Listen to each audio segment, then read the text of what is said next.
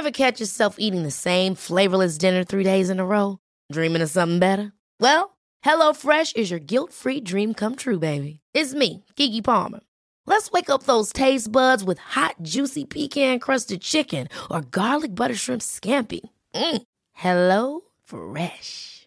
Stop dreaming of all the delicious possibilities and dig in at HelloFresh.com. Let's get this dinner party started. One size fits all seems like a good idea for clothes until you try them on.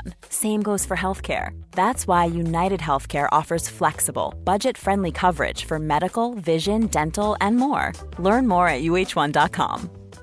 This is Paige, the co-host of Giggly Squad, and I want to tell you about a company that I've been loving, Olive and June. Olive and June gives you everything that you need for a salon quality manicure in one box. And if you break it down, it really comes out to $2 a manicure, which is absolutely insane. It's also so easy to get salon worthy nails at home with Olive and June. The difference between how your nails used to look when you did them yourself and now with the Manny system is a complete game changer. The best thing about Olive and June too is it's a quick dry. Dries in about one minute, lasts for five days, and full coverage in up to one to two coats. Visit oliveandjune.com slash perfectmanny20 for 20% off your first system. That's oliveandjune.com slash perfectmanny20 for 20% off your first system.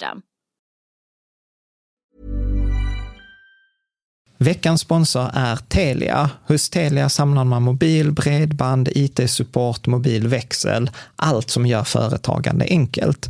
Och det är just det här att samla allt på ett ställe, att ha någon att vända sig till när det inte fungerar, det är Telia. Ett exempel på vad som inte är Telia, det är ju som när jag lyckas boka förmötet för en poddinspelning med Finansinspektionen till efter själva inspelningstillfället. Eller när jag här, här året var liksom, fick för mig att jag skulle börja springa, så jag är liksom ute och springer taggad, träffar en kompis som säger så du Jan, på måndag ska jag springa ett lopp. Och jag känner så här, ja men det låter inspirerande, så jag käkar pasta, jag byter om, tar mig ner till Malmö stadion för att göra en efteranmälan, står där i kön och sen så när jag liksom anmäler mig så tittar de på mig och säger så här, du Jan, vårhuset är bara till för kvinnor. Och eh, det var, det var typisk en situation som inte är Telia. Oavsett, ett stort tack till Telia som sponsrar, gör Rika Tillsammans möjligt, men framför allt tack till dig som lyssnar, följer och eh, hänger med oss varje vecka. Att inte ha räntefonder i sitt sparande, det är som att köra bil utan bromsar. Och tyvärr så upplever jag att det råder mycket missuppfattningar kring räntefonder, särskilt bland de som avråder från dem. Du lyssnar på Rika Tillsammans-podden som handlar om allt som är roligt med privatekonomi. I den här podden får du varje vecka ta del av konkreta tips, råd, verktyg och inspiration för att ta ditt sparande och din privatekonomi till nästa nivå på ett enkelt sätt. Vi som gör den här podden heter Jan och Caroline Bolmesson. Idag är det dags för avsnitt 64 mm. och eh, idag ska vi prata om räntefonder. Mm. Och eh, jag har till och med satt sån här eh, underrubriken, så här, en oälskad och osexig men jätteviktig del i ditt sparande. Mm. Jag, Spännande. Ja, och jag, jag, tänkte faktiskt på dig där med osexig. Ja, tack så mycket. ja, det var inte så jag menade, utan jag menade att du brukar alltid prata om att saker ska vara sexiga. Och, räntefond, och räntefonder... När man paketerar budskap ska det vara sexigt. Ja, precis. Ja. Och räntefonder är väl liksom så här, man börjar på minus. Ja, man börjar på minus, men det, vi kommer sluta på plus. ja, för, förhoppningsvis. No pun intended. ja, precis. Nej, men jag, jag tänker så här att eh, min, min spaning är så här att eh, räntefonder får jättemycket kritik idag. Att eh, man resonerar så här att eh, så här, det, är, det är låg risk, det är ingen avkastning, du tjänar inga pengar på det. Liksom så här. Mm. Varför ska just man... idag gör man ju inte det. Nej, inte just. Och, men jag skulle säga att den kritiken, alltså på 80-talet var den kritiken samma. På 80-talet, ja. då höll man ju på med med aktier och ja, ja. Nej, men köpte för sina sista slantar. Ja, precis. Men det roliga är att räntor eh, på det sättet är mycket äldre än aktier. Mm. Men, men det kommer vi till. Mm. Men jag, jag, tänker också att många av de här råden liksom idag eh, lämpar sig inte, eller de kommer inte från någon djupare analys, utan man säger så här, sälj alla räntefonder, räntan är på väg upp, eller man får ingen avkastning, därför har de inget värde. Och, och, och så, liksom, och jag, tror, jag tror att vad det handlar om är att många missförstår då risken och värdet, alltså varför man ska ha räntefonder. Mm. Och, och, och, jag tror att liksom nyckeln, som alltid, ligger i en förståelse och, och i, i fakta. Mm. Och det är egentligen det som är liksom tanken bakom eh, dagens avsnitt, att, att verkligen så ge, ge en allmänbildning om räntefonder och liksom prata om saker så här, varför är räntefonder viktiga? Vad är en räntefond? Vilka olika typer finns det? Hur fungerar de? Men också ta liksom lite så vanliga frågor som kommer från då läs, våra läsare och tittare. Ja. Eh, och då är vanligt så här, ska jag, ska jag amortera eller ha en räntefond? Ska jag ha pengar på sparkontot eller en räntefond? Eh, ska jag ha det i mitt investeringssparkonto eh, eller liknande? Och, och jag kommer att prata om verkligen så här, vikten av räntefonder i spar, för vi har ju räntefonder i alla våra portföljer, mm. både i nybör, nybörjarportföljen och globala barnportföljen titta på detta, som sagt, vart, vart går det ofta fel? För människor. Och, eh, och sen också till våra mer avancerade följare. Ja att titta på så här räntekänslighetstabeller. Ja. ja. Nej, men, men så det som är, det, alltså det är, ja, okej nu kommer nörden i mig fram, men jag tycker detta är jättekul. För det första, de flesta vet inte vad det är. De flesta har aldrig tittat på en räntekänslighetstabell. Och det, Nej, jag tror vi kan, de flesta kan hålla med om att de inte vet vad det är och inte har kollat på det. Nej, och det tredje är att eh, detta är faktiskt eh, att jag har varit i kontakt inför det här avsnittet med både mm. AMF-fonder och Spiltan-fonder, mm. Med deras fondförvaltare och bett dem att göra de här beräkningarna just för detta avsnittet. Och, och, det är jättesnällt av dem. Ja, men det är ju det och det visar framförallt på vikten just på den här missuppfattningen. Var, var jag tror att många missuppfattar räntefonderna och här får vi det svart på vitt på, eh, från förvaltarna själva. Så, att, så det är värt att, att, lyssna på avsnittet ända fram tills till, vi har gått igenom ränte... Ja, och det är eh, vad var det för tabeller nu? räntekänslighetstabeller. Räntekänslighetstabeller. Men, men, men, som sagt, det är överkurs. Eh, ja. liksom Men folk har ansträngt sig för er. Ja, precis. Ja. precis.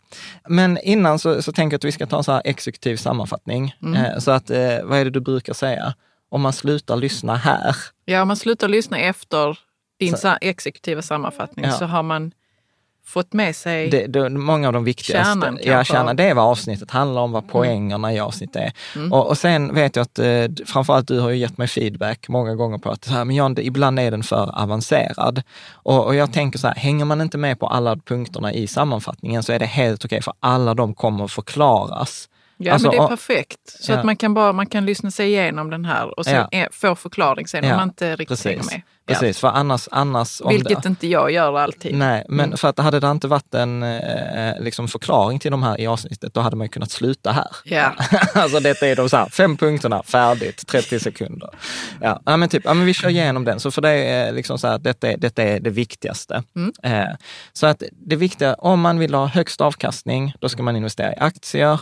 Vill man behålla pengarna som man tjänar på aktier, det är då man behöver räntefonderna. Mm. Jag brukar till och med påstå att räntefonder är det viktigaste tillgångsslaget, trots att det har den lägsta avkastningen. Mm. Och eh, vi kommer använda i avsnitt metaforen med bil, där jag, där jag kommer då säga att eh, bilen eh, har ju motor, motorn i bilen som för bilen framåt är aktier. Men man vill ju inte ha en bil utan en broms. Och Nej. räntefonder är ju bromsen. Och då kan man ibland tycka att broms låter tråkigt, men där finns ett eh, syfte med det där. Att ha en, en bil som har broms och inte ja. bara kör allt för fort. För snabbt i nedförsbacke. Ja. Mm.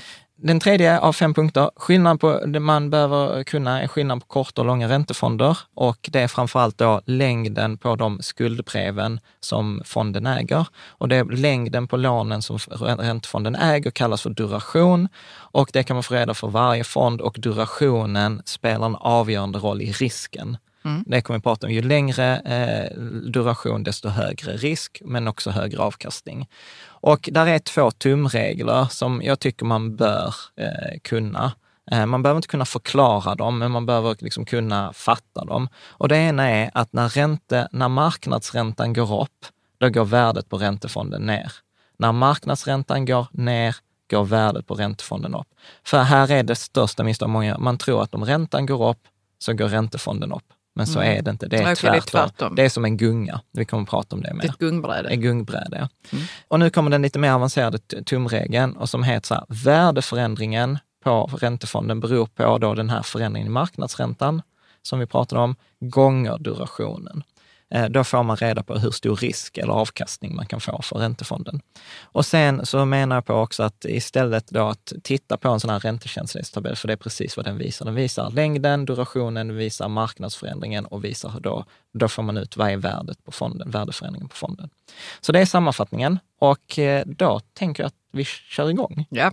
Så att om vi börjar på den basic eh, nivå, så är det så här att eh, när någon behöver pengar, så ger man ut ett så kallat skuldebrev. Och ett skuldebrev i sitt enklaste form, det är liksom en mening som säger så här, jag lånar 100 kronor i 10 år och för det betalar jag 5 kronor om året. Mm. Det är ett skuldebrev helt enkelt. Det hade ju du. Det har man ju till banken. Det har man till banken, man kan ha det till en kompis. Eh, mm. Man kanske inte har det nedskrivet om det är en kompis, men då säger man så här, jag vill låna, kan jag låna en hundralapp till imorgon för jag har inte med mig pengar det är en form av skuld. Mm. Och, och, och, då på eh, finspråk, finansspråk, så heter då det då en ob obligation, mm. alltså från engelska obligation, att jag har en skyldighet. Har jag lånat en hundralapp till lunchen eh, så har jag en skyldighet att betala det tillbaka till dig. Mm. På samma sätt har jag lånat eh, pengar i tio år för mitt bolån så har jag en skyldighet till, till banken. Och då ingår ofta att i, i bolånet så har jag då till exempel sagt så här, ja, men detta löper på tio år och jag kommer betala en viss ränta. Och då säger man så här att den här tidsperioden som lånet löper över, det kallas då för duration. Längden, alltså duration, längden på tiden för lånet. De här fem kronorna jag betalar eh, för att jag får ha det här lånet per år, det kallas då för kupong eller mm -hmm. kupongränta. Okay. Och eh, då slutligen, lån, själva lånebeloppet kallas då för nominellt belopp. Mm. Så jag repeterar då, så att i grunden så handlar det om att ett skuldbrev, en skuld regleras av ett belopp som man lånar över en viss tidsperiod och man har en kostnad för det lånet. Mm. Eh, skuldbrevet kallas för obligation, det kommer vi återkomma till, för man pratar ibland om räntefonder som obligationsfonder. Yeah. Men en räntefond och obligationsfond är samma sak. Mm eh, tiden som man lånar ut pengarna, duration, eh, beloppet eh, som jag får för lånet, kupong och eh, själva lånebeloppet för nominellt belopp. Ja. Bra. Så då tänker jag så här, att de här skuldbreven, alltså, och du vet förr i tiden så var ju detta riktiga skuldbrev. Alltså, som man hade i sin som portfölj? Man, som man, ja, som man hade på i rikt, En riktig portfölj på var det? Ja, men på ja. riktigt. Det är ju därför de här orden kommer. Det är ju jättekul. Och du vet, man hade sigill och stämplar och liksom hela paketet. Ja. Alltså det var jättefint. Man, man, man kan köpa sådana här gamla skuldebrev. Och för våra lyssnare som till exempel och tittare som har företag, då är det inte ovanligt att man tecknar skuldbrev om man lånar ut pengar till sitt företag mm. eller liknande. Så skuldbrev finns de facto. Mm. Och då, då finns det liksom två sätt eh, hur skuldbrev då handlas på marknaden. Och det ena är då att man tar emot själva skuldbrevet, att jag lånar ut då de här 100 kronorna till någon i tio år och sen får jag fem kronor om året.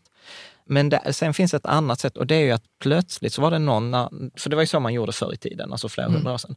Men sen var det ju smarta människor som kom på så här, men vänta här nu, vi kan ju köpa och sälja de här skuldsedlarna.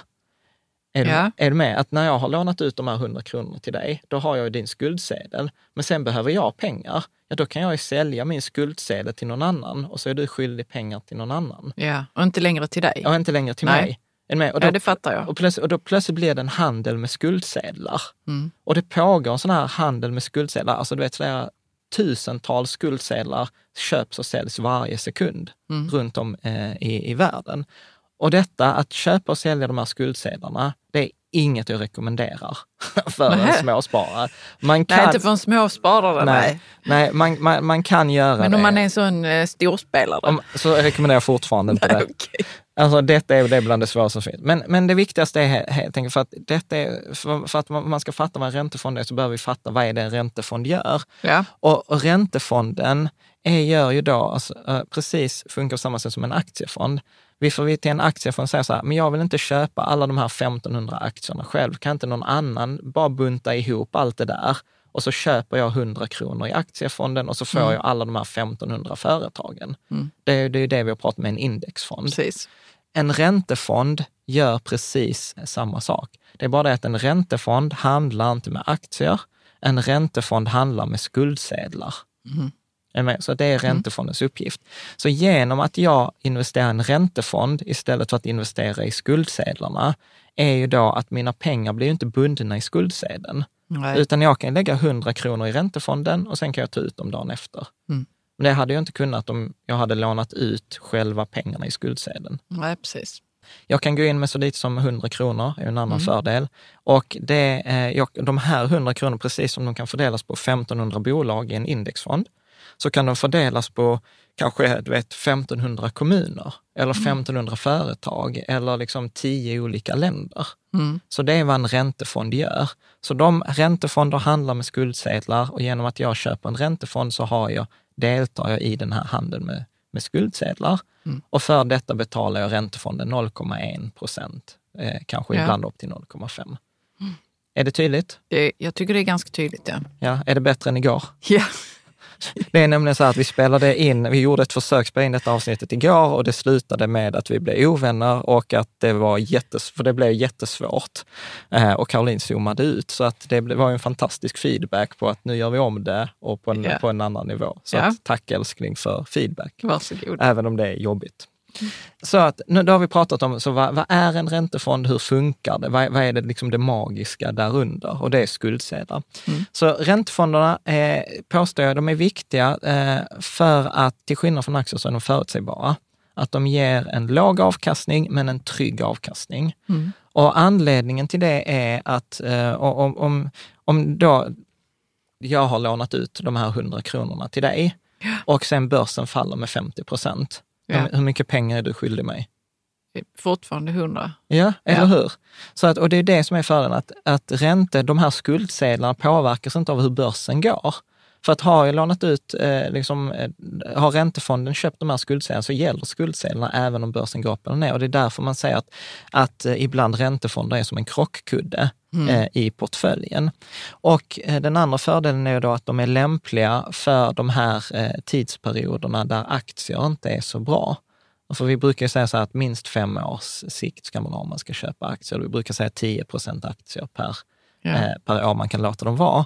Och när vi då säger 10 procent aktier per år du kan låta dem vara, ja, var lägger man resten? Jo, i räntefonderna. Mm. Eh, Och sen så är det också så att räntefonderna hjälper dig då att slå index i perioder då börsen går ner. Mm. För att eh, du kommer ha en krockkudde som fångar upp dig. Så att, men precis som det är en krockkudde som fångar upp dig när börsen går ner, så är det ett sänke när börsen går upp. Ja. Så man betalar ju någonting för att ha den här krockkudden och det är lite förlorad avkastning där uppe. Och sen förra avsnittet, eller så avsnitt 61, så pratade vi om sharpkvot och då är, äh, hjälper räntefonder att öka sharpkvoten. För man sa, om man bara har aktier Ja. eh, så har man 0,2-0,3 i sharpkvot. Om man bara har räntefonder har man också 0,2-0,3 i sharpkvot. Men om man har aktier och räntor, då kan man få 0,4-0,5. Man Och vill där- ha en hög Så sharp hög eh, sharpkvot som, som möjligt. möjligt på sin portfölj. Ja. Mm. Precis. Och jag tänkte att eh, nu skulle jag faktiskt eh, sno ett citat Ja. Från Paul Merriman, Mm. som är en amerikansk ekonomijournalist. Och han säger så här, if you want to make the most money you should invest in stocks, but if you want to keep your money you made in stocks you should invest them in bonds. Och, Och bonds, bonds. är då räntefonder. Mm. Så han säger så här, och vill du tjäna mycket pengar, använd aktier. Vill du behålla pengarna du tjänar på aktier, eh, köp räntefonder. Mm. Eh, och det var det vi sa i exekutiva sammanfattningen. Och eh, här, om vi tar då analogin. Eh, då, Med han den har- där bilen. Ja, precis. Mm. För det är han som använder den här analogin. Mm. Och han säger ju så här att en bil har ju då en motor. Det är vi på det ganska klara med. Motorn i de flesta portföljer, alltså det som drar upp avkastningen, det som skapar det här höga värdet. Det är ju Farten. Farten, ja men Ja. precis. Det är ju, eh, är ju aktier. Mm. Men frågan är så här, har man väl dragit upp farten så vill man kunna bromsa. Och, och då- Varför vill man nu kunna bromsa? Man vill ju tjäna mycket pengar på sina aktier. Ja, bra fråga älskling. Du gillar ju Porsche. Så Ja. om du kör upp Porschen i 200 kilometer i timmen, Mm. vad tänker du göra sen? gasa till 300. Ja, man njuter och har roligt. Ja. Sätter på musik. Ja, och sen då? Ja, jag vet inte, man gör ju det så länge man känner för det. Ja, och när man inte känner för det längre då? Ja, då åker man hem. Ja, och jag vill se dig upp på uppfarten i 200 kilometer i timmen. Ja, okej, okay. du menar att bilen har alltså ingen broms? Nej. Nej, det blir svårt då. Ja. Man får ju liksom försöka och, och um, ja, skitsamma. Vi, kan, vi, går in, vi behöver inte prata mer om bilen nu. Vi, ja. vi pratar om eh, ja, men, men aktierna jag, och räntefonderna. Ja, fast grejen är, även om analogin kanske haltar här, märker jag, så tycker jag ändå att den är viktig. Alltså så här, du behöver kunna bromsa. Alltså tänk att köra en bil utan broms. Mm. Alltså seriöst, det går ju inte. Nej. Eh, utan du vill bromsa och framförallt så vill man bromsa i nedförsbacke.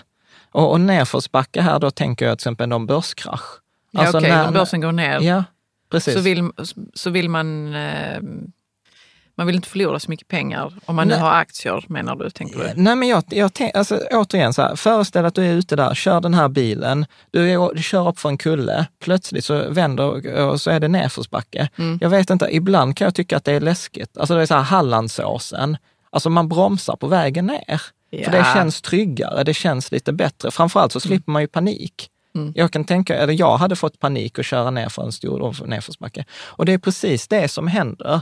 I en börskrasch, i en nedförsbacke i en bil utan bromsar, påstår att folk hade fått panik. Ja, ja. Och känslan är precis samma. Mm. Och, och, vad vi gör då är att vi säljer billigt i panik. Alltså att vi, man säger så här, köp billigt, sälj dyrt, men vi gör ju precis tvärtom. Mm. Och jag tror, liksom så här, jag gillar det han säger. Han säger så här, en, en annan anledning till att älska räntefonder är att de gör dåliga tider bättre. Ja, det var fint sagt av Merryman. Ja, jag tycker det är lite så Han verkar vara en glad tjomme. ja, precis. Ja, men jag säger det sen, en anledning att älska räntefonder är att de gör dåliga tider bättre. Mm. Och om vi kan ta äh, exempel, han själv använde exemplet, om man hade med, i USA, om man har investerat pengar mellan 1970 och 2014, alltså 44 år, hade man haft 100 procent räntefonder så hade det gett 6,3 procents avkastning. Ja. Hade man haft 100 eh, procents eh, aktier så hade det gett eh, 11,8 procents avkastning. Det vill säga det hade gett nästan dubbelt så mycket. Och då kan mm. man vara så här, ja men det är klart att man ska ha eh, Aktier. bara aktierna. Mm. Liksom. Mm. Men återigen, nedförsbacke, tittar vi på aktierna, fyra gånger minst fyra gånger under den tidsperioden kraschade börsen med mer än 50 procent. Mm. Tar vi den svarta måndagen, tror jag det var, i USA 1987, 22 procent förlorade på en dag. Det är så här, har du en miljon sparat, du förlorar 220 000. Mm. Eller 100 000 på kontot, du förlorade 22 000 kronor. Det är en månadslön. Du vet, en mm. månadslön förlorar du på en dag. Mm. Och det, vad de flesta är så att då mår man dåligt. Eh, liksom. Så på det, på det, ja. Men om man nu skulle haft en del räntefonder och en del aktier på, under den här tiden, mm. fanns det någon uträkning där för hur mycket man skulle Nej, ha gjort? då hade man, men då hade man gjort mindre än 11,8 ja, eller vad det var? Precis, men man hade sluppit eh, liksom, paniken. Alltså för att mm. jag, tror, jag tror att det handlar om liksom så att den här 100 aktier, det är som en sportbil. Alltså väloljad sport, den går skitfort men den har inga bromsar. Långsiktig avkastningen, den är fantastisk. Problemet är att de flesta kommer liksom som i en snabb karusell, kräkas och vilja hoppa av mm. längs vägen. Mm. De flesta pallar inte köra en sportbil i 200 kilometer i timmen. Liksom. Det vet ju jag på de få gånger jag har kört bil på bana. Mm. Jag hade ju Marcus som är en kompis som är tävlingsförare. Mm. Vi skulle ut där på, på Sturup och, och så var jag så här, men ska vi inte ha en Porsche? Han bara tittade på mig. Du sa så här, och köra på Sturup? Ja, på, på Sturup Raceway. Och så sa han så här, du Jan, det tar ganska long tid innan bilen är den begränsande faktorn. Mm. Och jag kan säga så här att vi har en V70 från 2009, inte ens någon turbo eller så här bifuel. Jag mådde dåligt. Och det var För att du, kör, du, körde, du kom ändå upp? I... Ja, och särskilt när han körde. Ja. Och, jag, och, det var, och det var skakigt, så in i helvete. Och det, dessutom utan en broms, äh, fy tusan. Mm. Det hade jag inte. Men man kan ju inte dra det åt andra hållet, att ha 100% räntefonder. För då har du en så svag motor att du kommer aldrig i, upp i, i, i varv. Ja, då kommer du aldrig upp för backen. Nej. Och detta är ju därför alla våra eh, liksom portföljer, då har de här olika kombinationerna av både liksom gas och broms, motor och eh, broms. Nybörjarportföljen, där har vi 40 procent räntor och 60 procent aktier, så där är det nästan same same. Men man vill ha lite mer fart än broms. Tittar vi på globala barnportföljen, där har vi ju mest gas, alltså 90 mm. procent aktier, 10 procent räntor. Och sen har vi då Rika Tillsammans-portföljen som är vår mest defensiva portfölj, mm. där det är 50 procent räntor och faktiskt bara 25 procent aktier. Ja. För sen har vi liksom en annan tillgångsslag där. Så tittar vi på eh, det så finns det då många olika typer av räntefonder som man kan ha i portföljen. Och det som skiljer de här räntefonderna åt, det är ju då, som vi var inne på, durationen. Alltså tidsperioden eh, som den här räntefonden, alltså, eller så här, genomsnittet på tid, tiden de här skuldsedlarna som räntefonden har. Så en räntefond äger en massa skuldsedlar och då tittar de på, hmm, vad är den genomsnittliga tiden på de skuldsedlarna vi äger? Ja, hur länge löper hur de? Hur länge löper mm. de? Det är det som är då durationen och då brukar man prata kort eller lång. Mm. Kort, då är den genomsnittliga löptiden under ett år. Lång, då är den mer än ett år. Man brukar prata mellan ett och 30 år. Så det är upp till 30 år upp alltså? till 30 år, ja. Mm. Så det är, det är korta, mindre än ett år, eh, långa, mer än ett år. Och sen skiljer sig räntefonden också åt vem man lånar ut till. Lånar man ut till länder, till kommuner, till företag? Och så skiljer naturligtvis vilket ekonomiskt skick som parten ja. Eh, ja, precis, ja. är i. Att eh, lånar jag ut till kompisen som aldrig betalar tillbaka, det är, är hög jag, risk. Det är hög risk. Du får tillbaka det denna Nej, gången heller. Precis, och vad vill jag ha då? Större säkerhet. Ja, eller, eller nej, vad tänker du? Vad högre, högre ränta? Ja, högre ränta. Ja. Eller hur? Mm, är ja, det precis. hög risk, högre ränta, då vill jag ha mer betalt, för jag kan ju förlora pengarna. Liksom. Och sen är det också så att det skiljer åt vad pengarna används till. Att det finns ju till exempel så här räntefonder som är så här, så här gröna obligationer. Mm. Alltså så här, det som vi gillar, så här, hållbart, etiskt, långsiktigt sparande eh, och sådant. Och även om vi hittills har pratat om räntefonder, det är tryggt, det är säkert, så kan man eh, då eh, förlora okay. mm. på det här. För att eh, man kan säga att räntefonder, det är, liksom, det är som att ha sparkonto. Men ibland så kan det vara så att jag lånar ut till någon, som vi sa, den här kompisen som har svårt att betala. Och då är det helt enkelt att, att då vill vi ha en högre ränta, men det kan vara så att den kompisen eh, betalar inte. Betalar inte räntorna heller? Betalar inte räntorna, betalar inte tillbaka lånet. Vi har alla haft sådana kompisar. Eh, då, då kallas ju det, på engelska kallas det default eller att de går i konkurs. Ja. Okay. Helt enkelt. Mm. Och, men sen är det också just nu, nu är detta ett specialfall, men just nu i 2018 så har vi en, en situation på marknaden där vi har negativa räntor. Ja. Och negativa räntor är, betyder, så här, om vi tar metaforen med kompisen igen, då är det så här att jag har så mycket pengar på fickorna att jag är lite så rädd för att bli rånad, eh, typ. Så att eh, jag, liksom, det kostar mig pengar att ha pengarna i fickorna. Mm. Hänger med? Det kostar kanske försäkring eller jag behöver ha en livvakt eller någonting. Ja, precis, så. Långsökt okay. kanske Nej, i min det är metafor. jättebra, jag fattar det. Det kostar mm. mig pengar att ha mina pengar i fickorna. Ja. Är med? Eh, men jag vill inte låna ut det till den där kompisen, utan då vill jag låna ut det till någon trygg. Ja. någon trygg part.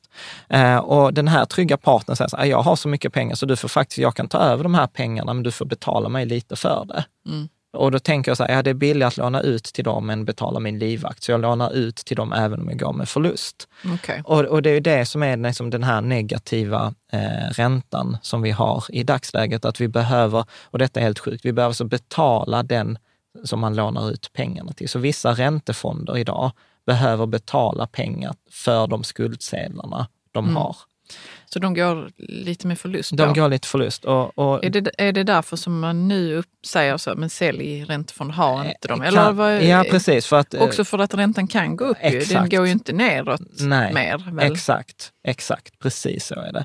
Så att jag, tänkte att vi skulle göra ett sidospår bara för att försöka illustrera detta. Ja. Eh, och då tänkte jag illustrera detta med Tyskland. Mm. Tyskland är, alltså det är den mest... Det är bra ekonomi. Ja, det är den mest ansvariga killen i, i kvarteret, vet, kommer alltid i tid, har alla sina papper i en ordnung.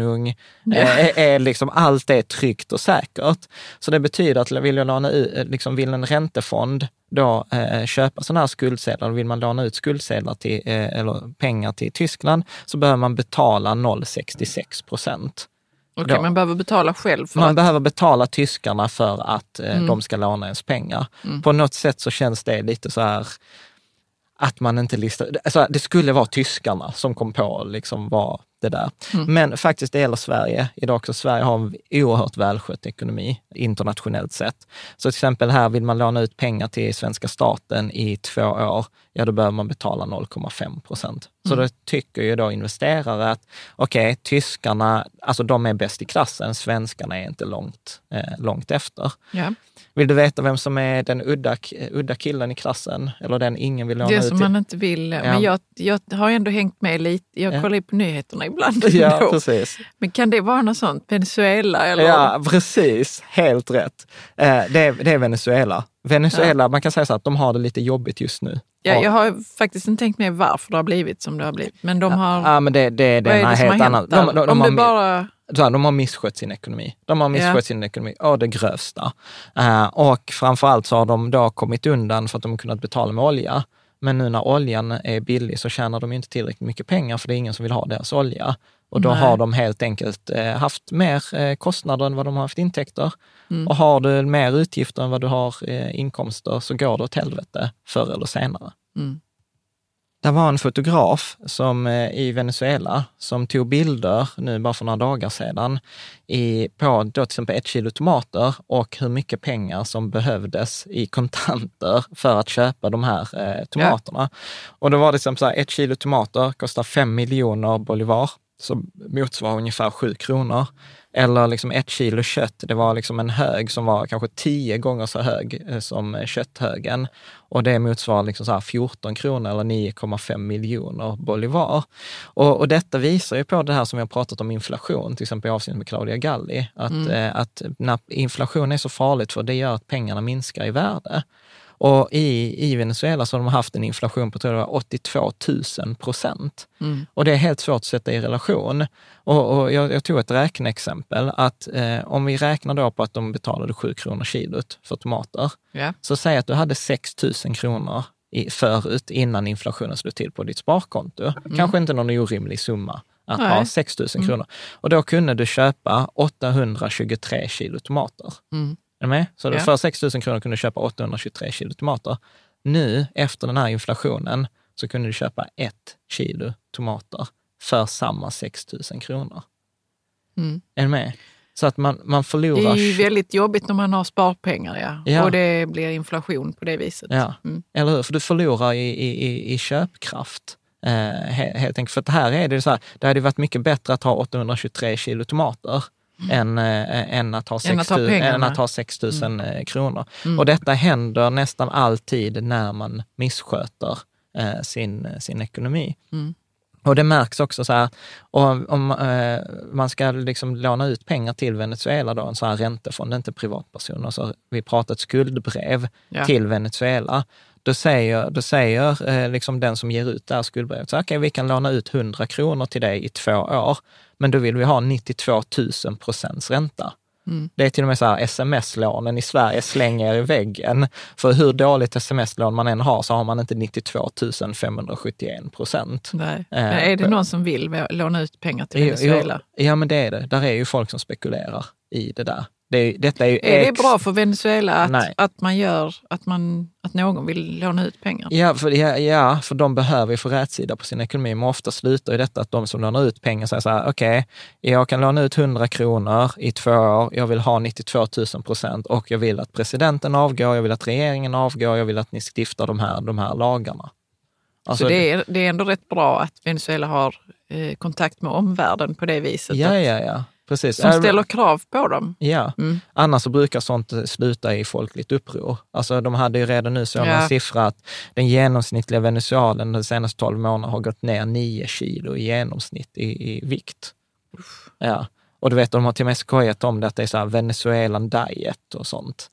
Men jag tycker inte det, ja, det är, så, det, så, det är alltså, inte så himla man, schysst. Nej, det är faktiskt eller inte så himla schysst. Eller ens roligt. Det betyder att de, äter, de svälter. Att de inte säger mätta. Ja, de svälter. Mm. Du, vet, du, du har blivit av med alla dina sparpengar. Mm. Dina sparpengar har ju förlorat 823 gånger i värde. Det betyder, mm. hade du en krona innan så är den värd 12 öre. Mm. Alltså det, det är oförut...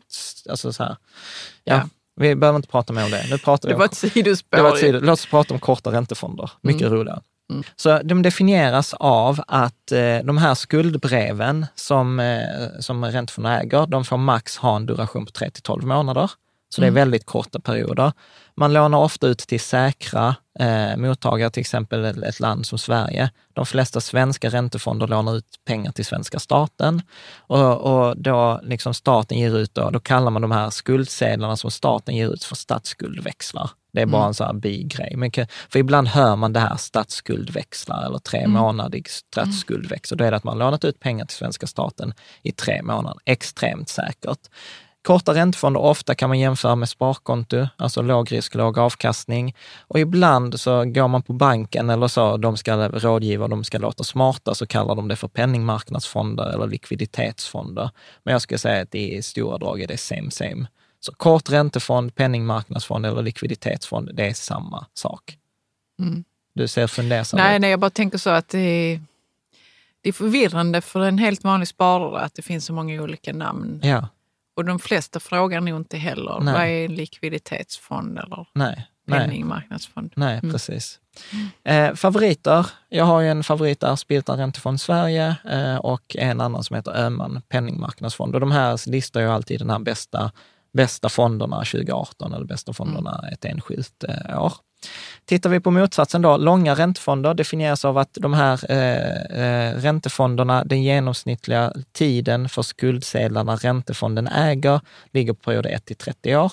Återigen repetition, bara för att min räntefond har skuldsedlar som löper på 1 till 30 år så betyder inte det att jag låser mina pengar. Jag kan köpa en räntefond på måndag, sälja den på tisdag och ha pengarna på onsdag. Mm. Okay? så att det är väldigt tydligt. Mottagarna här är ofta då länder, men det kan också vara företag eller kommuner. Och här kan man idag ha hela riskskalan, allt från väldigt tryggt och säkert till rör inte med en tång. Mm. Eh, mm. Där man pratar, eh, ibland pratar man till och med så här junk, junk, junk bonds. bonds. Ja eh, som är helt andra. Skräp, man kallar för skräpobligationer. Men vänta, vad är det för någonting egentligen nu? Ja, men det är att jag lånar ut, eh, den här skuldsedeln är till en kompis som aldrig har betalat sina pengar någonsin. Nej. Så räntan är så 25 procent eller 92 000. Ja, men så här, Venezuela-lånet, eh, det är en junkbond. Ja. Definitionen på det. Mm. För att göra det lite klurigare, så långa räntefonder brukar då kallas för obligationsfonder. Mm. Eh, så att ofta skriver man därför, som vi skriver ofta på bloggen, ränte och obligationsfonder. Och då menar man korta fonder och långa fonder. Okay. Och det beror på då genomsnittet på den tiden som de skuldsedlarna har som räntefonden äger. Mm. Favoriter här, eh, till exempel AMF Räntefond Lång, Spiltan Hög Räntefond. Eh, och sen har vi lite specialare i Rika Tillsammans-portföljen. Mm. Eh, Tittar vi då, sen kan man ju låna ut pengar då till företagsobligationer och detta tror jag att många har gjort. Eh, och eh, de Varför kan, tror du att många har gjort det? För att det är de här räntefonderna som ger en hög avkastning. För mm. folk har hört så här, jag vill ha en räntefond i min portfölj. Mm. Och så tänker de så här, okej, okay, men om jag ska välja någon räntefond, då vill jag ha en räntefond med hög avkastning. Men vad man glömmer bort är att tar man ju hög risk också. Mm. Uh, man betalar alltid för sin avkastning ja, på något vis. Ja. Så att mm. de brukar man prata om som mellanlånga de är mellan 1 okay. till 5 år. Mm. De är inte de här 30 åren, de är inte 12 månader, 1 till 5 år. Mottagarna är ofta företag, man kallar dem för high yield eller junk bonds. Och jag tror att här, alltså så här, sparare och lyssnare som har high yield-fonder, det står ofta high yield, vet, det låter bra. Ja, det låter skitbra ju. High, high yield, ja. hög eh, avkastning. avkastning ja. Ja. Men, eh, och så tänker man att man har dem för att de ska skydda när börsen faller. Problemet när börsen faller, då faller de här high yield-fonderna också. För att va, va, de här high yield-fonderna, för innan, kommer du ihåg att jag innan sa så här, att aktier eh, rör sig, eller eh, räntefonder och aktier rör sig inte samtidigt. Mm. Att om du, om du är skyldig ja, mig 100 kronor och börsen faller så spelar det ingen roll, för du är fortfarande skyldig mig 100 kronor. Och det gäller till exempel när man lånar ut till länder och stä, liksom kommuner, säkra... säkra mottagare. Mm. Men problemet med ett företag är så att om börsen faller, Eh, så innebär ju det ofta att företag får svårare att sälja sina grejer. Mm. Om företag får svårare att sälja sina grejer, då får de in mindre pengar. De får in mindre pengar, då är sannolikheten att de betalar räntorna på sina lån är lägre.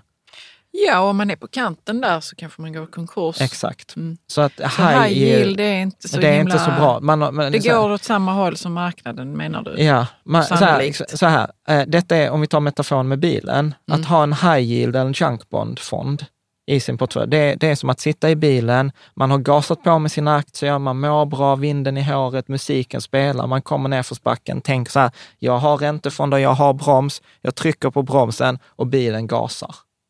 Det är high yield. Det är high yield. Man får mer fart ja. neråt. Och, och, och, Härligt. Ja, och, nu tror jag så här, du vet, om de här två för, förvaltarna som har hjälpt oss med underlag till att lyssna på detta nu så kan de bara slå sig för pannan. Men, eh, men, nej, varför skulle de göra det? Nej, på men, grund av bilmetaforen? Ja, men för, för, för, att det är, alltså det är så grovt förenklat så att det finns Jo, inte. men det behöver vara ja. det. Men i alla fall, high yield-fonder, undvik dem om du inte vet vad du, vad du gör. Mm. Liksom. Man underskattar det.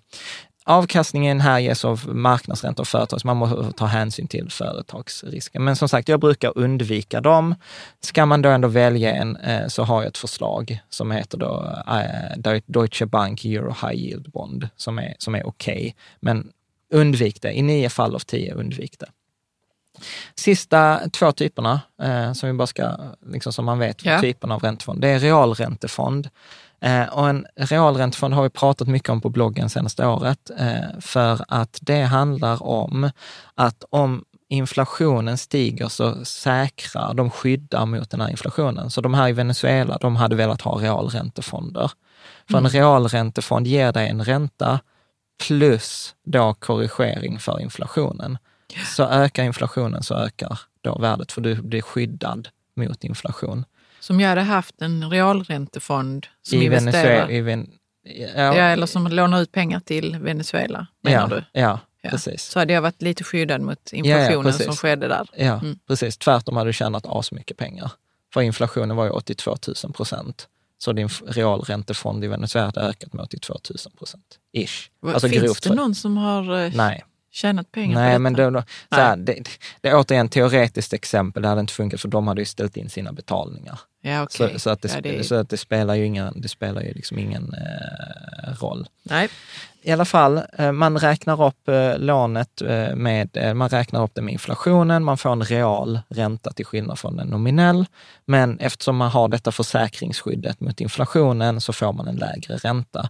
Detta påstås ska vara i en del portföljer så att man får detta skyddet mot inflationen om staten missköter sig. Mm. Så därför har vi, vi har ju hittills i portföljen rekommenderat Öhmans realränt, realräntefond, men de, de har strulat till under året, så jag tror att nästa rekommendation emission kommer att bli Handelsbanken realräntefond. Okay. Så. Mm. Och eh, sen den sista kommer vi inte prata om, för det har vi gjort, eh, det är hedgefonder. Där hade vi avsnitt 50 med Erik Strand. Men är det en, rent, är det en typ av räntefond? Nej, hedgefond, hedgefonder är ju sådana som kan ha väldigt fritt mandat, men det finns hedgefonder som investerar i aktier, det finns hedgefonder som investerar i räntefonder. Okay. Och då har de lite olika, men en vanlig kort räntefond bara styrs av att det är max 12 månader på durationen så kan en hedgefond säga så här, vi vill ha 0 till 1 år och sen vill vi ha 3 till 7 år och sen vill vi ha realräntefond. Du vet, så de skapar sin egen mix. Mm. kan att, du inte bara säga vad en hedgefond är nu igen? Ja, men det är en hedgefond, alltså det finns många olika, vi pratade en hel timme om det med Erik. Ja, det gjorde vi. Men, men, men så här, det är en fond som man ofta vill det ska vara marknadsneutral. Mm. Så att man säger så att oavsett hur marknaden går så ska den leverera en viss avkastning. Det är mm. ju det som är fördelarna med hedgefonder. Mm. Och eh, om vi då tittar den första tumregeln, att, eh, att komma ihåg med räntefonder, det är ju så att det är som en gungbräda. Mm. Och de två faktorerna på gungbrädan, det är då marknadsräntan, alltså det som man pratar om, riksbankerna styr och marknaden kommer överens om, det kallar man för marknadsränta. Det har inget med skuldbreven eh, att göra. Om vi tar Nej. analogin igen, så jag ska låna ut till, liksom, eh, till tyskarna eller jag ska låna ut till min kompis som aldrig betalar, då finns det en så här, hmm, då frågar mina kompisar, när du lånade ut till dina kompisar, vad lånade du ut för då? Mm. Och så kommer den säga, ah, men då körde vi 3 procent. Och då vet du att okej, okay, men det verkar som att marknadsräntan är 3 procent. Precis, ja. Hänger med? Mm. Så det är marknadsräntan. Så marknadsräntan påverkar och då är gungbrädan så att om marknadsräntan åker ner på ena sidan gungbrädan, då kommer värdet på räntefonderna åka upp. Ja. Precis motsatt. Om marknadsräntan åker upp, då åker värdet på räntefonderna ner. Mm. Eh, och på bloggen eh, så har vi en beräkneexempel på det här, exakt hur det går till. Och vi, och vi kommer också spela in ett specialavsnitt bara med räkneexemplet, så för den som vill titta på det separ, separat. Eh, och sen det andra tumregeln, det var ju det här med durationen. Räcker mm. det att jag bara säger duration nu? Nu bör man ja, veta vi, att det är den genomsnittliga är... längden på skuldbreven. Ja. Mm. Så det andra är då, hur hänger, så om jag sitter på den här gungan, hur högt kommer jag åka? Mm. Om ränta och marknadsräntan går ner med 1 procent, hur högt kommer det skicka räntefonden på andra mm. sidan? Eh, och då kan man säga så att ju längre tid man lånar ut, alltså ju längre duration, desto högre känslighet för eh, då rörelsen. Eh, och då, då kan man då säga så här att om vi har då att räntefondens duration, att de genomsnittliga skuldbreven i räntefonden löper på ett och ett halvt år. Så, och sen har vi en förändring i marknadsräntan med en procent. Så den går ett procent upp eller ner. Då kommer värdeförändringen att bli durationen gånger marknadsräntan. Hänger med? Så att om durationen är då ett och ett halvt år, marknadsräntan förändras 1 procent, 1,5 gånger 1. Och sen måste jag korrigera. Så om marknadsräntan går ner, vad händer med räntefonden? Uh... Gungbrädan, Caroline. Om den, ja, marknads... men du vill ha bort mig. Okej, okay, men vi, te vi, testar, vi testar. Kan man, vi, man, kan också läsa om detta på bloggen. Man kan läsa de på detta, precis. precis ja. men, men, det, men det är ändå så här, det är en gungbräda. Ja. Så om marknadsräntan går ner, vad händer med räntefonden? Ja, men den går upp då. Den går upp, ja. Jag har lärt mig detta nu. Ja, precis. Och om jag har skickat ner den med, ett, med 1 procent, marknadsräntan, då tittar jag på durationen. Är den ett och ett halvt år, då blir det 1 gånger 1,5, 1,5 mm. procents skillnad och 1,5 procents skillnad positiva hållet. Yeah. Okej? Okay? Så det, det, är liksom durationen gånger marknadsförändringen. Och eh, det finns bild på, på bloggen. Men då kan man helt enkelt säga så här att ju längre, alltså en, en räntefond som har en duration på kanske ett år, då blir det, och en marknadsförändring på ett, då blir det ett gånger ett, en procents förändring. Har jag en, en räntefond som lånar ut i genomsnitt 30 år, ja. då blir ju en liten marknadsränteförändring på 1 procent gånger 30. Mm. Då blir det liksom en, räntan går upp 1 procent, räntefonden går ner 30 mm. procent. Ja, det låter ju tufft ju. Det är en jättestor förändring. Så att det, det är som en hävstång. Vill man alltså inte ha långa? Jo, det vill man. Man vill ändå ha det, ja. För att om man skulle, den skulle kunna gå upp 30 procent också? Ja, eller? precis. Ja. För att om räntan går ner, mm. då går räntefonden upp. Så det är så där till exempel du och jag känner, det är så Rika Tillsammans-portföljen till exempel eh, kan hålla värdet eh, liksom löpande, för där blir så extrema rörelser mm. i det där. Så att det är inte bara negativt, Nej. utan det, i portföljkonstruktion tar man hänsyn till. Återigen, därför har vi både korta och långa räntor i portföljen, för de har olika syfte. Mm. Så att lite, lite sammanfattning. Lägst avkastning, lägst risk likviditets och penningmarknadsfonder, det som vi kallar då för korta mm. räntefonder, de är löper mellan 1 till 12 månader.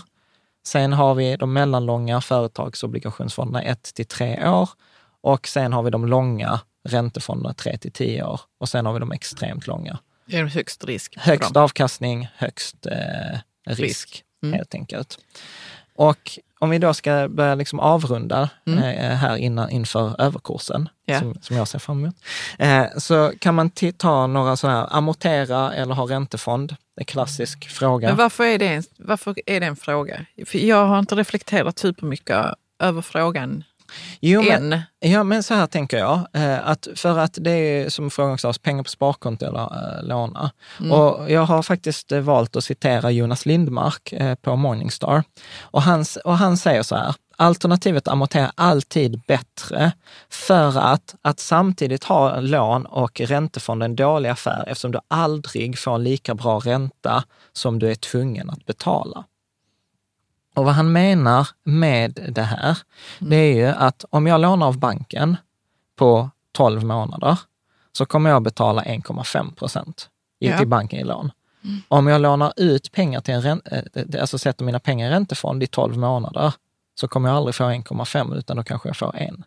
Mm. Och då är det bättre att istället för att sätta i räntefonden för 1 procent, då är det bättre att amortera. Ja. Och så får jag då 1,5, eller jag får inte 1,5, men jag slipper betala 1,5 nästa år. Ja, precis. Hänger med? Mm. Ja. Så att eh, sen, sen så för att göra honom rättvisa så avråder han i och för sig också från att ha lån och spara i aktiefonder. Mm. Eh, liksom, för att då säger han så att lån är en garanterad avkastning. Så att hans poäng är ganska tydlig, så här, amortera är alltid bättre. Om, än att? Eh, än, att, eh... än att eh, ha pengar i räntefonder. Ja. Jag mm. själv är inte lika säker. Nej, okej. Okay. Jag ja. tänkte bara fråga, vad är det för, någon, vad är det för en, en läsare eller lyssnare som har ställt frågan, ska jag hellre amortera än att ha räntefonder? Är man, är man rätt insatt då? Liksom, eller? Nej, man För jag man... hade aldrig kommit på att ställa den frågan. Ja, men man har nog funderat. Man har funderat på det här med lån. Vänta mm. här nu, jag betalar 1,5 men jag får bara en. Yeah. Eller så som vi säger i avseende med Claudia Galli, eh, när vi går igenom det från, från scratch, att ha pengarna på bankkontot ger 0 procent. Investera dem eh, i aktier ger 8 procent. Det är bättre mm. att ha dem där. Mm. Detta är precis samma sak, men istället för att jag pratar avkastning så tänker jag vad jag slipper betala. Ja, så det är helt enkelt mm. ett resonemang kring var gör mina pengar mest nytta? Ja. Eh, helt enkelt. Så att, eh, så att det är inte, jag kan säga så att det är inte alla läsare som har ställt det, det är några som mm. liksom så här, man funderar. Och detta är en sån typisk fråga man behöver diskutera med någon. Ja, det är svårt att lista ut på, på egen hand. Jag tycker ändå det är häftigt det där med att, att, äh, att komma komma dit att man kan fundera på vad gör mina pengar mest nytta? Och så tittar man på siffror ja, de facto, inte, inte ja. så. Det känns som om... Ja. Mm.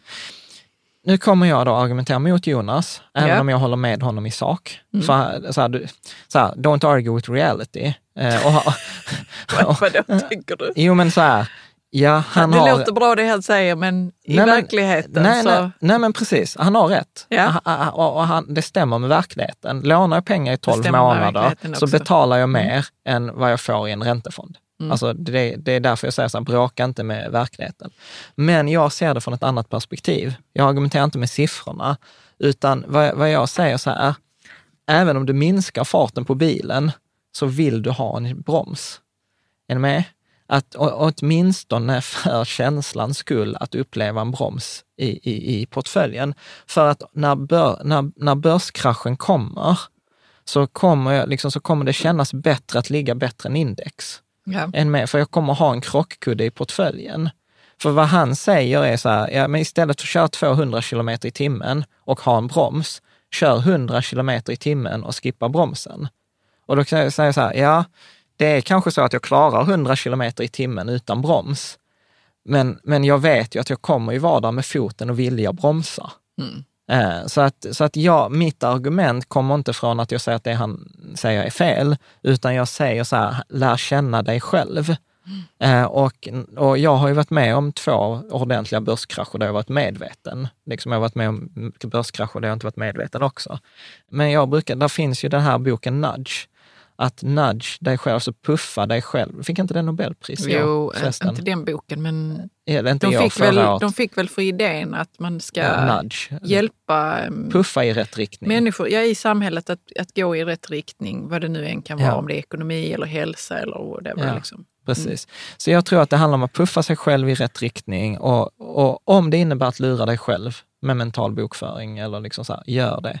Mm. Så därför gör jag så att även om jag då kanske förlorar den där mellanskillnaden jag hade kunnat fått om vi amorterat jämfört med räntefonder, så är den så viktig för mig psykologiskt när, när liksom börsen kommer skaka.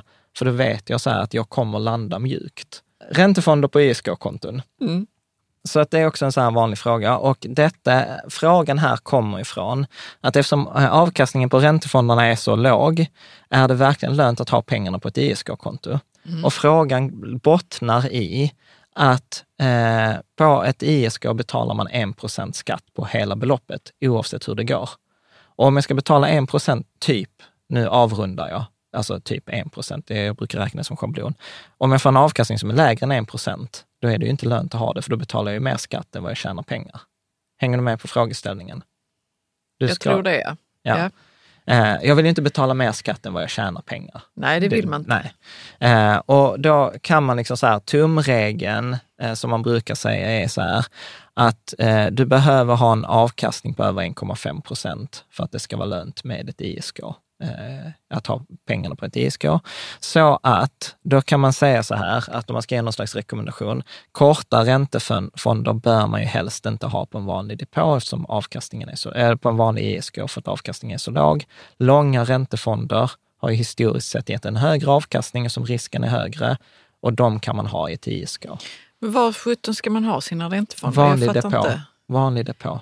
Som, och det, det som skiljer ett ISK från en vanlig depå, en vanlig depå betalar du 30 procent på vinsten. Mm. ISK betalar du 1 procent på beloppet. Det är det okay. som är skillnaden.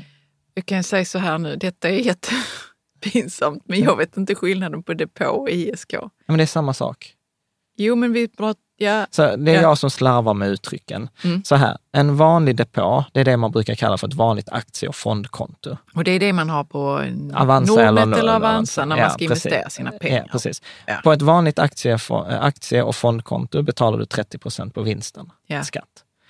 Ett investeringssparkonto, ISK, kan du också ha hos Avanza eller Nordnet. Men då betalar du 1 procent på hela värdet och det på innehållet. Jätte, det känns ju jättebra. Ja, om avkastningen är över 1,5 procent ja, på, på innehållet i investeringssparkontot. Det är det jag säger. Mm. Okay. Mm. Samma sak här, återigen, ta hänsyn hur, hur du själv fungerar. Jag gör ingen skillnad, jag har allt. Eh, vi har allt i våra ISK-konton.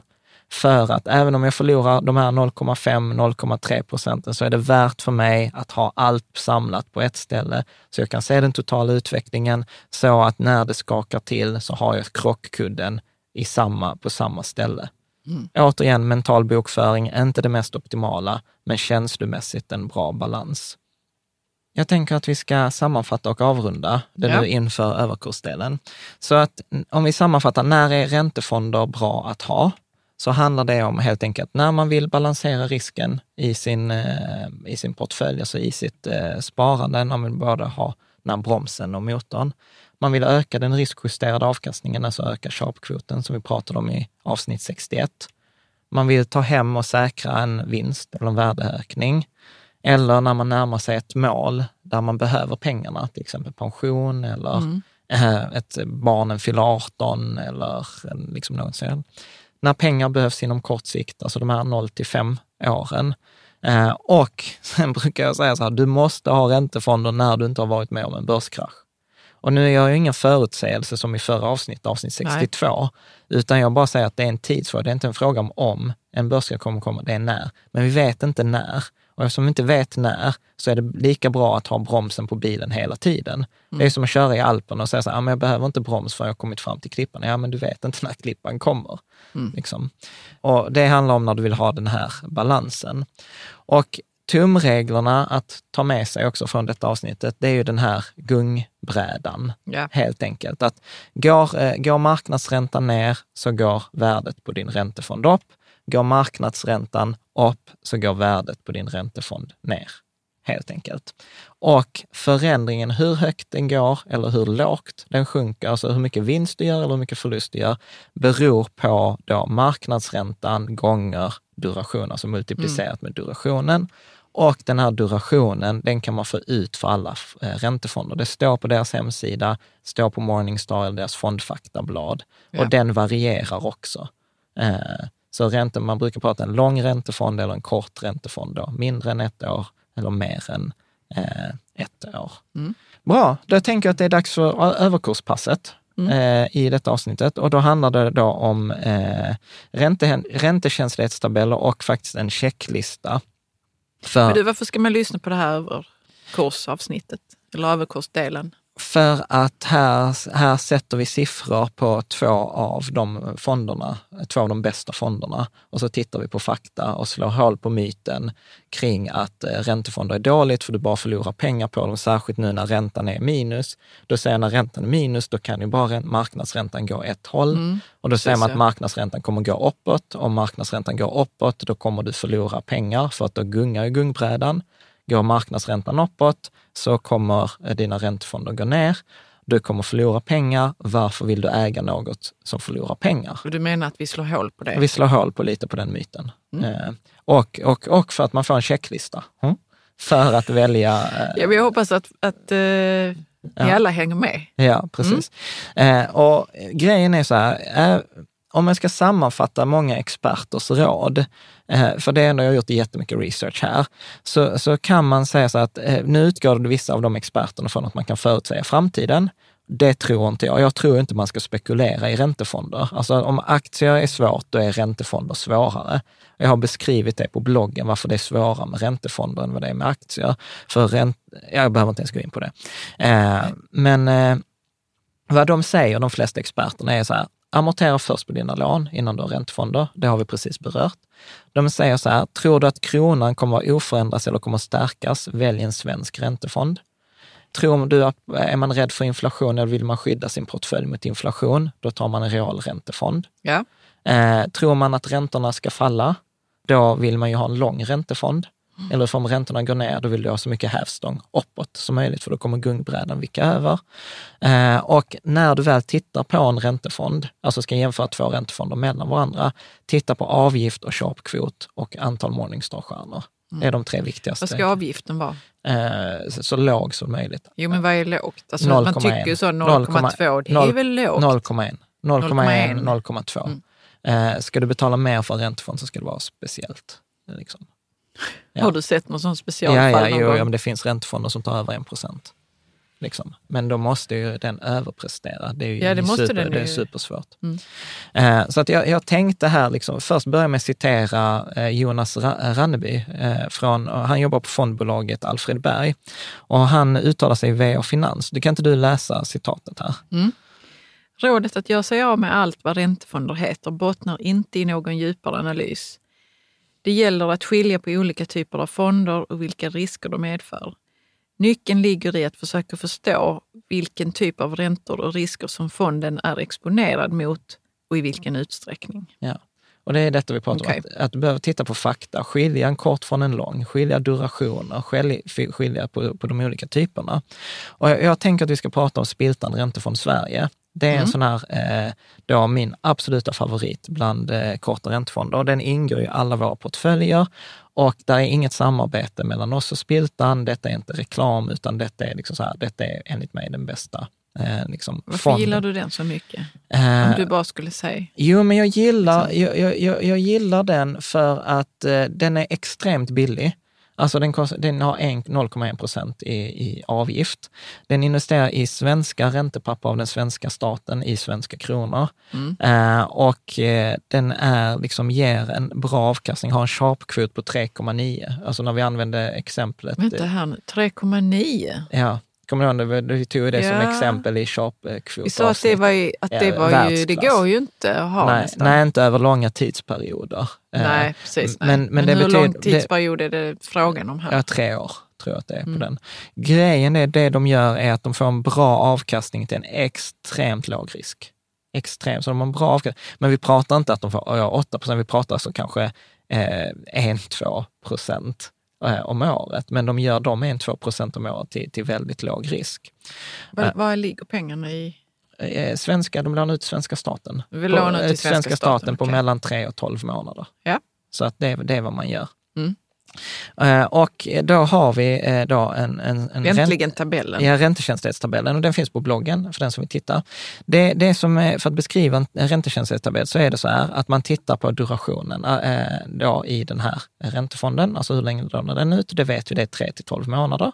Och sen så tittar man då, så om räntan då förändras mellan 0 och 10 procent och jag då äger den här fonden mellan då 6 månader och 10 år, hur kommer då mina pengar att eh, förändras i värde? Och då kan man helt enkelt titta så här, okej, om marknadsräntan förändras med 3 procent och jag äger denna i fem år, allt annat lika. Det, är så här, det, det var båda så här, ja vi vill nog inte att du lägger ut den, men om du lägger ut den, säg nu, var nu supertydlig, detta är inga garantier utan detta är så här, allt annat lika. Eh, för att jag ville bara ha illustrerat det här om gungbrädan. Detta illustrerar egentligen gungbrädan Detta illustrerar gungbrädan. Ja. gungbrädan Ja. med fakta för den här specifika fonden. Mm. Och det, så, det första som är ganska intressant är att eh, vi, vi, de flesta utgår nu från att räntan är negativ och det vill säga att det enda hållet som räntan kommer gå är att den kommer då öka. Eller hur? Precis, så ja. detta, denna tabellen visar om räntan ökar, vad händer då med värdet på fonden? Ja. Eh, och då skulle de flesta säga så här att ja, men om räntan ökar, vad har vi lärt oss? Gungbrädan trillar ner. Mm. Vi förlorar pengar. Men vad är det som händer sen? Jo, det som händer sen, eftersom den här eh, svenska räntefonden bara lånar ut till svenska staten i 6-12 månader, så efter sex månader, då har den gjort sig av med alla de här dåliga papperna, eller hur? Och då kan den ju ta och köpa nya skuldsedlar. Och de nya skuldsedlarna kommer ju ha den nya högre räntan. Ja, det kommer de ju ha, ja. Mm. Okej, med? jag hänger med på detta. Ja, ja snyggt. jag bara såg så här, åh, Nej, jag, jag, jag nästan zonade ut ett Ja. tag för jag fattar inte. Vadå? Hur då har gjort sig av med de där dåliga papperna? De har Okej, men ut. de har löpt ut. de har löpt ut. De har löpt ut. Precis, Okej. återigen, vi tar samma exempel. Så här, vi har skuldsedel svenska staten. Svenska staten säger så här, jag vill låna 100 kronor i, i, i sex Ja, men jag månader. fattar det. Ja, och sen har, vi betalt till, Mm. har svenska staten betalt tillbaka pengarna. Så att i denna räntekänslighetstabellen, tittar vi idag här, så är alltså i princip är det ju bara de första sex månaderna som jag är back på en räntefond När marknads... när marknadsräntan ökar. Mm. Men för varje år därefter så ökar ju min avkastning. För då har ju den här fonden gjort sig av med alla de gamla skuldbreven och så har de nya skuldbrev som ger en högre avkastning eftersom markna, eh, marknadsräntan har ökat. Så låt oss ta ett ganska orealistiskt eh, exempel som är så här att jag köper den här fonden dag ett och sen dag två ökar marknadsräntan med 5 procent. Eh, och om marknadsräntan ökar, vad händer med värdet på fonden? Den går ner. Den går ner, det är gungbrädan. Hur mycket går den ner? Det- Fem gånger durationen. Exakt, fem gånger för det är förändringen i marknadsräntan gånger durationen. Durationen är sex månader, så det borde bli 2,5 procent. Mm. Eller hur? Tittar vi i räntekänslighetstabellen så ser vi då att det är 2,15 procent. Så det stämmer ganska väl med vår tumregel. Ja. Eh, och sen kommer det intressanta. Så om jag nu inte säljer eller får panik, eh, utan äger den här eh, fonden då i fem år, hur mycket kommer jag då ha fått för eh, avkastning då per, per år?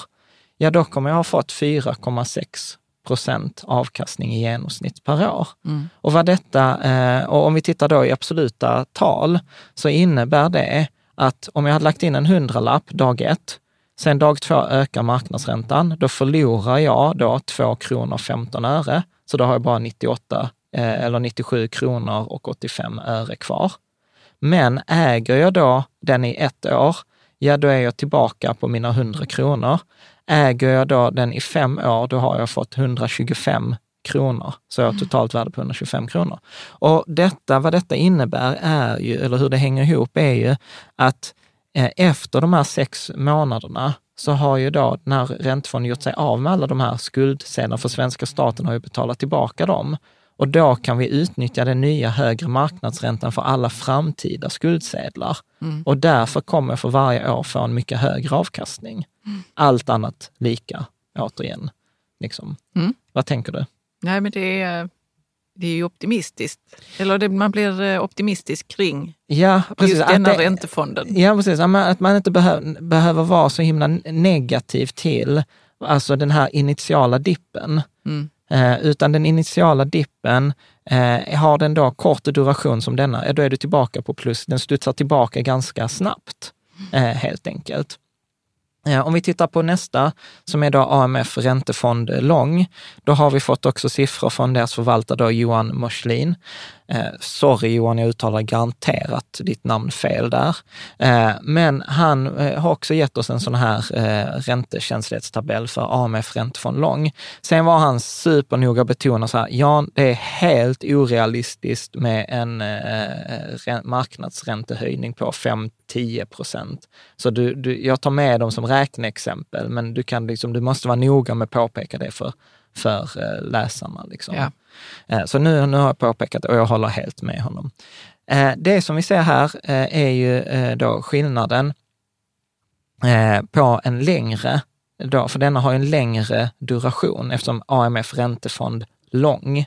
Mm. Och då ser vi här att här är, här, om jag då köper den här fonden dag ett och eh, då kommer ju den backa på 5 procent marknadshöjning som är orealistiskt. Då hade jag tappat 14 procent eh, då direkt.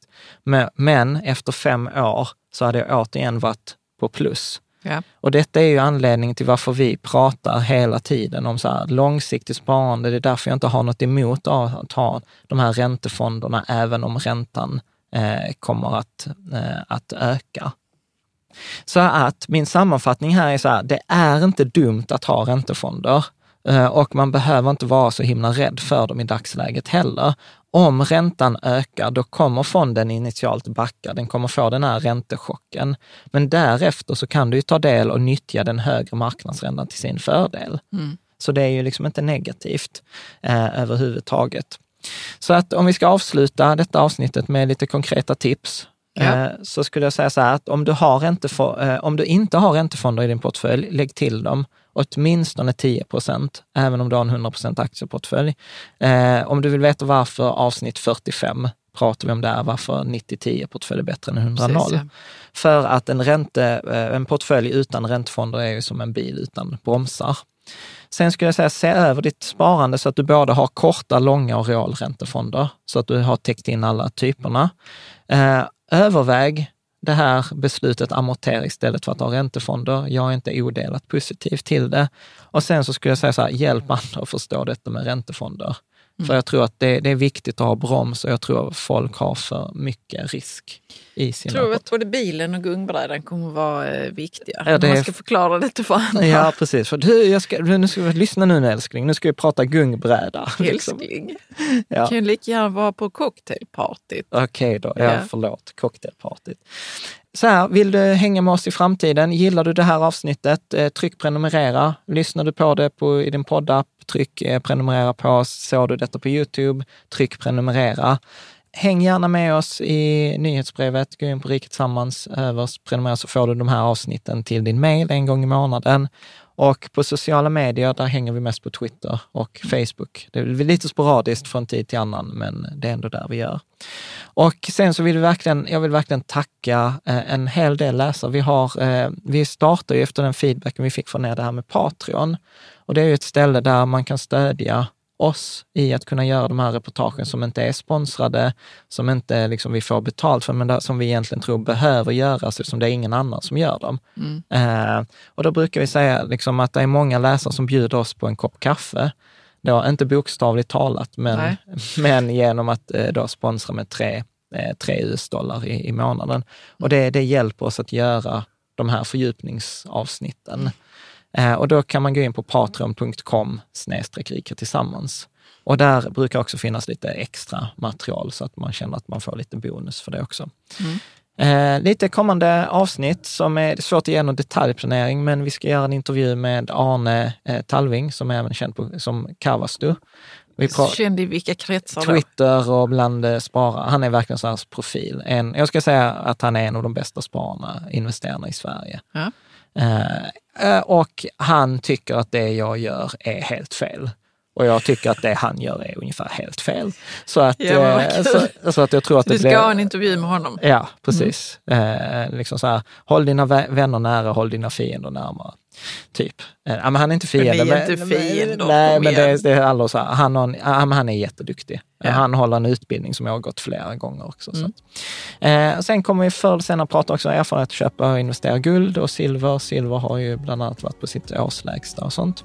Och sen har vi faktiskt en fråga till dig. Alltså vad skulle göra mest skillnad för dig som tittar och lyssnar? Hör gärna av dig. Liksom så här, vad skulle du önska att vi, vi pratade om? Ge oss eh, liksom tips. Eh, det uppskattar jag. Ja. Och eh, de sista två frågorna vi skulle vilja skicka med dig att gärna kommentera för att vi tror verkligen att detta handlar om att bli rika tillsammans och dela med sig av sina erfarenheter och sina åsikter. Så att, hur tänker du? Hur gör du med dina eh, räntefonder? Vilka räntefonder eh, har du och varför har du valt dem?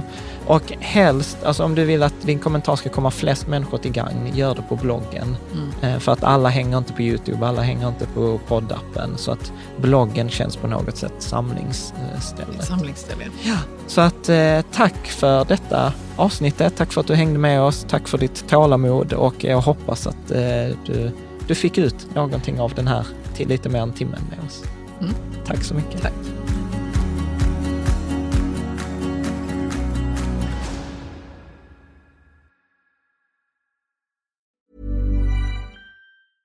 Ever catch yourself eating the same flavorless dinner three days in a row? Dreaming of something better? Well, HelloFresh is your guilt-free dream come true, baby. It's me, Gigi Palmer. Let's wake up those taste buds with hot, juicy pecan-crusted chicken or garlic butter shrimp scampi. Mm. Hello Fresh. Stop dreaming of all the delicious possibilities and dig in at HelloFresh.com. Let's get this dinner party started.